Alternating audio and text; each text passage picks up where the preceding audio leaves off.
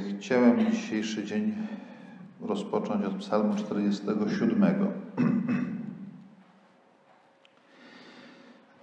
Wszystkie narody klaskajcie w dłonie. Wykrzykujcie Bogu radosnym głosem. Bo Pan najwyższy i straszliwy jest wielkim królem nad całą ziemią. On nam poddaje narody i ludy rzuca pod nasze stopy. Wybiera dla nas dziedzictwo, chlubę Jakuba, którego miłuje. Wstąpił Bóg wśród radosnych okrzyków, Pan przy dźwięku trąby. Śpiewajcie naszemu Bogu, śpiewajcie. Śpiewajcie królowi naszemu, śpiewajcie. Gdyż Bóg jest królem całej ziemi, hymny zaśpiewajcie. Bóg króluje nad narodami. Bóg zasiada na swym świętym tronie.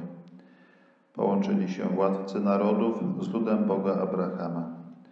Pomożni świata należą do Boga, On zaś jest najwyższy. Już w czasie tych rekolekcji mówiliśmy o Chrystusie, o Panu Jezusie jako Królu wiele razy, odwołując się do, do tajemnicy Jego miłosierdzia, tajemnicy Jego przebitego serca. I Psalm 47 rzeczywiście możemy tak odczytywać, tak się może nim, możemy nim modlić jako takim hymnem, modlitwą ku czci Chrystusa Króla.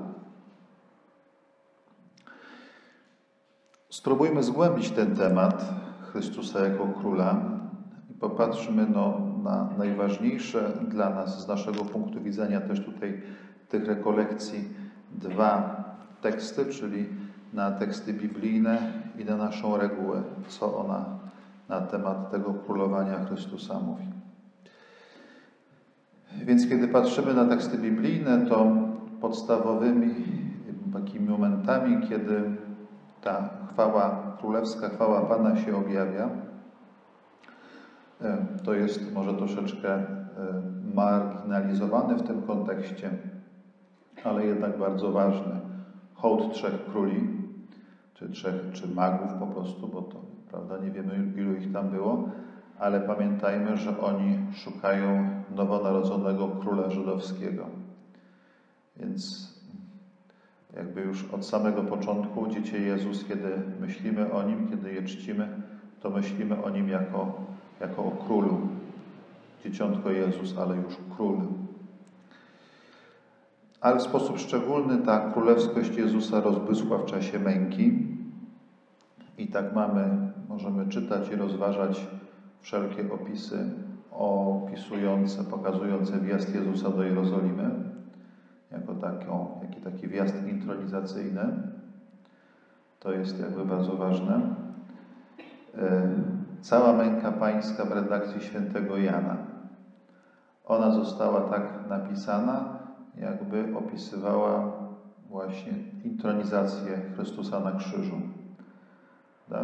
Synoptycy bardzo mocno podkreślają ten walor pasyjny, mówią dużo o cierpieniu, o upokorzeniu Zbawiciela, Natomiast święty Jan tak opisuje mękę pańską, jakby pokazywał Jezusa, który przez cały czas kontroluje sytuację, że On jest Panem, Panem sytuacji. Na przykład najlepiej to widać, kiedy porównamy sobie opisy konania w Ogrójcu.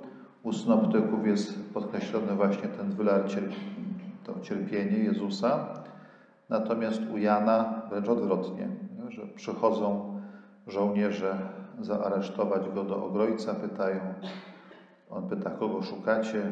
Mówią, Jezusa z Nazaretu. Kiedy on odpowiada, ja jestem, to to wyznanie, ja jestem, jakby pokrewne temu y, imieniu Boga z trzeciego rozdziału Księgi Wyjścia, jestem, który jestem, powala ich na ziemię. Nie, Jezus jakby przez cały czas jest tutaj Panem. A najbardziej widać to w rozmowie z Piłatem. I tu ten psalm warto sobie dzisiaj przed południem przeczytać e, równolegle z tym fragmentem Ewangelii Janowej. To jest od rozdziału 18, wiersz 33, aż do rozdziału 19, wiersz 16. Czyli od momentu, kiedy Jezus zostaje wprowadzony przed oblicze Piłata, aż do momentu, kiedy Piłat go proklamuje jako króla przed narodem żydowskim, a Jezus jest odziany w purpurowy płaszcz, jest ubiczowany i ma koronę cierniową na głowie. Więc taki król, właśnie ten taki Izajaszowy, ale rzeczywiście nasz król, król miłości. Tak, tak możemy go określić. Więc to jest jakby jeden wątek tutaj. Nie? Ten Pan Jezus pokazywany jako król. Warto sobie też zestawić, czytając ten psalm właśnie o królu, który panuje e, i z jednej strony zobaczyć, że Pan Jezus zawsze jest pokazywany jakby w swojej kruchości, słabości, ale takiej, która niesie zbawienie. Czy właśnie jako dzieciątko, który jest adorowany potem przez, przez magów, a musi uciekać, ale jest królem, czy właśnie jako mąż boleści, ukoronowany cierniem, ale też proklamowany jako król. Więc właśnie to królestwo Jezusa w taki sposób się tutaj prezentuje. Jest taki, jest taki, jest taki cały cykl homilii, zresztą bardzo ważny dla, dla świętego Benedykta. O tym się troszkę mało mówi, ale, ale Benedykt bardzo się tymi tekstami inspirował. To są homilie świętego Leona Wielkiego, papieża z przełomu IV y, i V, y, znaczy papieża z, z, z połowy V wieku. I Leon ma taki cały cykl kazań na mękę pańską. Święty Benedykt zapewne, kiedy był w Rzymie, z tymi kazaniami się zetknął, bo potem w regule one bardzo często powracają. To widać duży wpływ Leona na naszą regułę. I tam Leon, kiedy właśnie tą mękę pańską rozważa, na przykład mówi o tym, że Jezus, który dźwigał krzyż i szedł na Kalwarię, to właśnie odbywał pochód triumfalny przez miasto.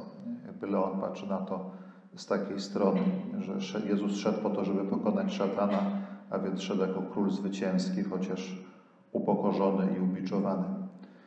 Ale w Ewangelii mamy jeszcze drugi bardzo ważny wątek. E, to jest cały cykl przypowieści właściwy dla synoptyków, czyli przypowieści o Królestwie Bożym. E, mówi się o tym, że jest to zasadniczy temat nauczania Jezusa w Ewangeliach synoptycznych, właśnie Królestwo Boże, e, chociaż Jezus bez przerwy mówi, do czego to Królestwo Boże można porównać. Nie porównuje do zaczynu, do, do kupca, który szuka pięknych pereł, do skarbu ukrytego w roli i tak dalej, ale jakby nigdy wprost taka jego definicja nie pada, czym to Królestwo Boże jest. Jedna z intuicji patrystycznych intuicja Orygenesa, mówi o tym, że Królestwem Bożym jest sam Jezus Chrystus. Że jest właśnie Królem i Królestwem. Nie? Że tym bardziej, jeśli pomyślimy sobie o tym, że przez chrzest jesteśmy wszczepieni w Jego ciało, czyli przynależymy do Jego Królestwa, czyli do Niego samego. Y, tutaj mogę siostrom takie ćwiczenia zaproponować. Proszę sobie wziąć te przypowieści, które siostry lubią, które do sióstr pasują, które siostry jak gdyby, do które do sióstr przemawiają i słowo Królestwo Boże wstawić, w miejsce słów Królestwo Boże wstawić Jezus Chrystus. Czyli na przykład będziemy myśleć tak. Jezus Chrystus podobny jest do skarbu ukrytego w roli. Znalazł go bowiem człowiek i ukrył ponownie. Rozradowany poszedł, sprzedał wszystko, co miał, aby kupić tę rolę. Jezus Chrystus podobny jest do sieci zarzuconej w morzu, zagarniającej ryby wszelkiego rodzaju i tak dalej. Więc to może tak troszeczkę zburzyć nasze schematy w myśleniu o tych przypowieściach, ale też rzucić dla nas nowe światło na, na Jezusa Chrystusa jako Króla. Więc tu jakby może iść jeden nurt medytacji o Jezusie Chrystusie jako Królu i drugi to są dwa teksty z naszej reguły, tam jest jeszcze tego, tego troszkę więcej, ale skupmy się na tych dwóch. E, obydwa pochodzą z prologu. E, na samym początku w wierszu trzecim święty Benedykt mówi Do Ciebie więc kieruję teraz moje słowa, kimkolwiek jesteś Ty, co wyrzekasz się własnej woli, a chcąc służyć pod rozkazami Chrystusa Pana, prawdziwego Króla, przywdziewasz potężną i świętną zbroję posłuszeństwa. Jezus Chrystus jako prawdziwy król. To ten tekst, wiersz trzeci prologu, on jakby nas ustawia w relacji do Jezusa i mówi jakby, że tym, co jednym z tych, tych nici, które nas z Nim łączy, to jest okazywane przez nas posłuszeństwo. Bardzo ciekawe, że jest porównane do zbroi. Wiemy, że zbroja jakby służy raczej temu, żeby człowiek mógł dobrze walczyć i żeby nie odniósł rany. I posłuszeństwo właśnie, które ślubujemy również w czasie naszej profesji monastycznej, przede wszystkim temu ma służyć, żebyśmy nie odnieśli ran w walce z szatanem. Już nie mamy własnej woli, już nie idziemy za własnymi zachciankami, nie idziemy za, za grzechem, za jakimiś naszymi namiętnościami, nie tylko stawiamy im opór i mówimy, że naszą wolą jest wola Jezusa Chrystusa. I drugi to jest też z prologu, wiersze 21-22. E, przepasawszy więc biodra wiarą i pełnieniem dobrych uczynków, podążajmy ścieżkami Pana za przewodem Ewangelii, abyśmy zasłużyli na oglądanie tego, który nas wezwał do swojego królestwa. Jeśli zaś pragniemy zamieszkać w przybytku Jego Królestwa, musimy biec drogą dobrych uczynków, gdyż inną tam się nie dochodzi.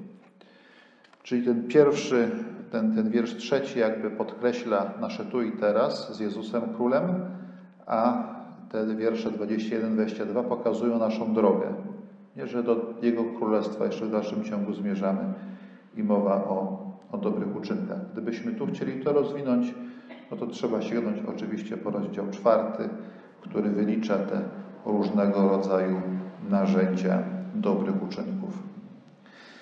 Tak więc, jak więc widzimy, ten temat Jezusa Chrystusa jako Króla jest bardzo ważny, e, również w naszej regule. Mówiliśmy wcześniej, że Jezus jest pokazany też nie jako dobry pasterz, więc właśnie dobry pasterz, król. E, I teraz ten psalm 47, który jest takim hymnem, można powiedzieć, ku czci Chrystusa Króla. E, popatrzmy właśnie na to i psalmista tutaj to, co mówi, to jakby podkreśla, e, czy jakby można powiedzieć jest takim protobenedyktynem, czy protobenedyktynką, proto takim pierwotnym uczniem świętego Benedykta jeszcze przed jego narodzeniem, dlatego że to, do czego on chce zachęcić przez śpiew tego psalmu, to jest chce pociągnąć wszystkie narody do tego, żeby chwaliły prawdziwego króla. Wszystkie narody klaskajcie w dłonie, wykrzykujcie Bogu radosnym głosem, bo Pan Najwyższy, straszliwy, jest wielkim królem nad całą ziemią. Można tak powiedzieć, że my wszyscy, którzy chcemy żyć według reguły, to jest jakby naszą pasją i takim naszym pragnieniem, żeby wszystkie ludy przyłączyły się do śpiewania hymnu ku czci Pana Boga, żeby wszystkie ludy chwaliły Pana Boga, każdy człowiek. Jeden z moich współbraci, który pracuje, pracuje z naszą młodzieżą, jest taki troszkę ciekawy właśnie, ma taki w sobie duch, ma, ma w sobie troszeczkę ducha Grzegorza Wielkiego, bo Grzegorz też był bardzo taki poświęcony pracy z młodymi ludźmi i opowiadał mi kiedyś, jak właśnie go ta młodzież ujęła za serce, bo byli na takim wyjeździe formacyjnym, już tam wszystko się pokończyło, no i on poszedł do kaplicy, żeby odmówić nieszpory. Już taki troszkę zmęczony był. No i siedzi w tej kaplicy, te nieszpory zaczął mówić, a nagle się drzwi otwierają, no i ta młodzież go szukała nie? i znaleźli go w tej kaplicy i patrzą na niego i mówią do niego tak. Nieszpory brat mówi, nie? On no, mówi, że tak. No to on, oni mówią, no to my z bratem chcemy odmówić. To go właśnie tak ujęło, że tyle rzeczy tam robili razem, no modlili się, msza była, a, a właśnie, że oni jeszcze chcieli się też przyłączyć do tej modlitwy nieszpornej. Więc to jakby jest właśnie taki ten, ten, ten psalm 47 właśnie w takim duchu, który potem jest wspólnym duchem świętego Benedykta. Nie? A wiemy, że jakby też taka jest nasza intencja, ilekroć bierzemy liturgię godzin do ręki, że modlimy się też za tych, i w imieniu tych nawet, w imieniu tych, użyczając im naszych ust, którzy się nie modlą. Nie? Jakby staramy się wypowiedzieć bóle i nadzieje całego świata, nie? żeby uczyć Chrystusa, który jest prawdziwym królem. I to jest jakby naszą radością, nie? że nie celebrujemy oficjum smutni, że ludzie są bezbożni czy tam coś, tylko staramy się ucieszyć Panem Bogiem i jakoś w wierze tych innych ludzi do Pana Boga przyprowadzić.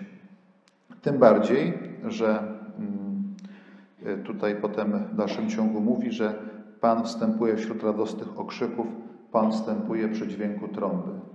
Zawsze, kiedy pojawia się trąba, w takim kontekście nasza myśl biegnie od razu do trąby sądu ostatecznego, do momentu, kiedy Chrystus Król przyjdzie sądzić żywych i umarłych, tak jak wyznajemy w credo i ten psalm nam o tym przypomina. I jeśli by siostry chciały sobie to jeszcze podrążyć, to myślę, że najlepiej ten wiersz, jakby próbować tym wierszem się modlić nad 25 rozdziałem Ewangelii Mateusza, wtedy, kiedy jest opis sądu ostatecznego. Nie? To jest takie właśnie bardzo, takie właśnie bardzo ciekawe ujęcie. Zawsze, kiedy do chóru przychodzimy właśnie i myślimy o tych ludziach, którzy o Panu Bogu zapomnieli, warto sobie przypomnieć o tym ostatnim wierszu, który mówi, że możni świata należą do Boga, On zaś jest najwyższy. Czasami mamy tendencję do tego, żeby zamartwiać się niepotrzebnie różnego rodzaju rzeczami, y, spekulować na 20 lat do przodu, myśleć, co to będzie, jak się wszystko właśnie źle potoczy, a sięgnąć warto do tego psalmu, tak pełnego nadziei i optymizmu, który mówi o tym, że ta władza królewska Jezusa Chrystusa nie jest nominalna, nie jest częściowa, tylko jest absolutna i nieskończona. Czyli jakby Jezus Chrystus ma władzę nad całym światem, zresztą mówiliśmy o tym też przy okazji psalmu drugiego. I jakby zanosząc Mu tę sprawę całego świata w czasie oficjum, zanosimy je z nadzieją, że On je weźmie w swoje ręce i ostatecznie rzeczywiście będzie królował. I myślę, że o to właśnie warto się modlić.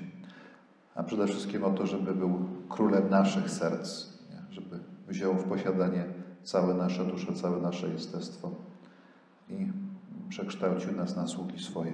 O to się módlmy.